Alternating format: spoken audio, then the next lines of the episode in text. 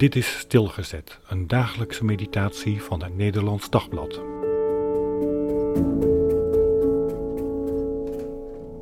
Voorbij. 2 Samuel 3 vers 15. Isbozet liet Michal ophalen bij haar man Paltiel, de zoon van Laïs. Haar man ging met haar mee en volgde haar in tranen.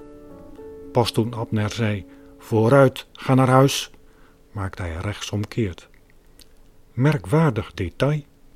Michal wordt weggehaald bij haar tweede man om terug te keren naar David, voor wie ze ten onrechte was afgenomen. En die man loopt huilend achter haar aan. Als westerling denk ik meteen vol medelijden dat hij dus intens van haar hield.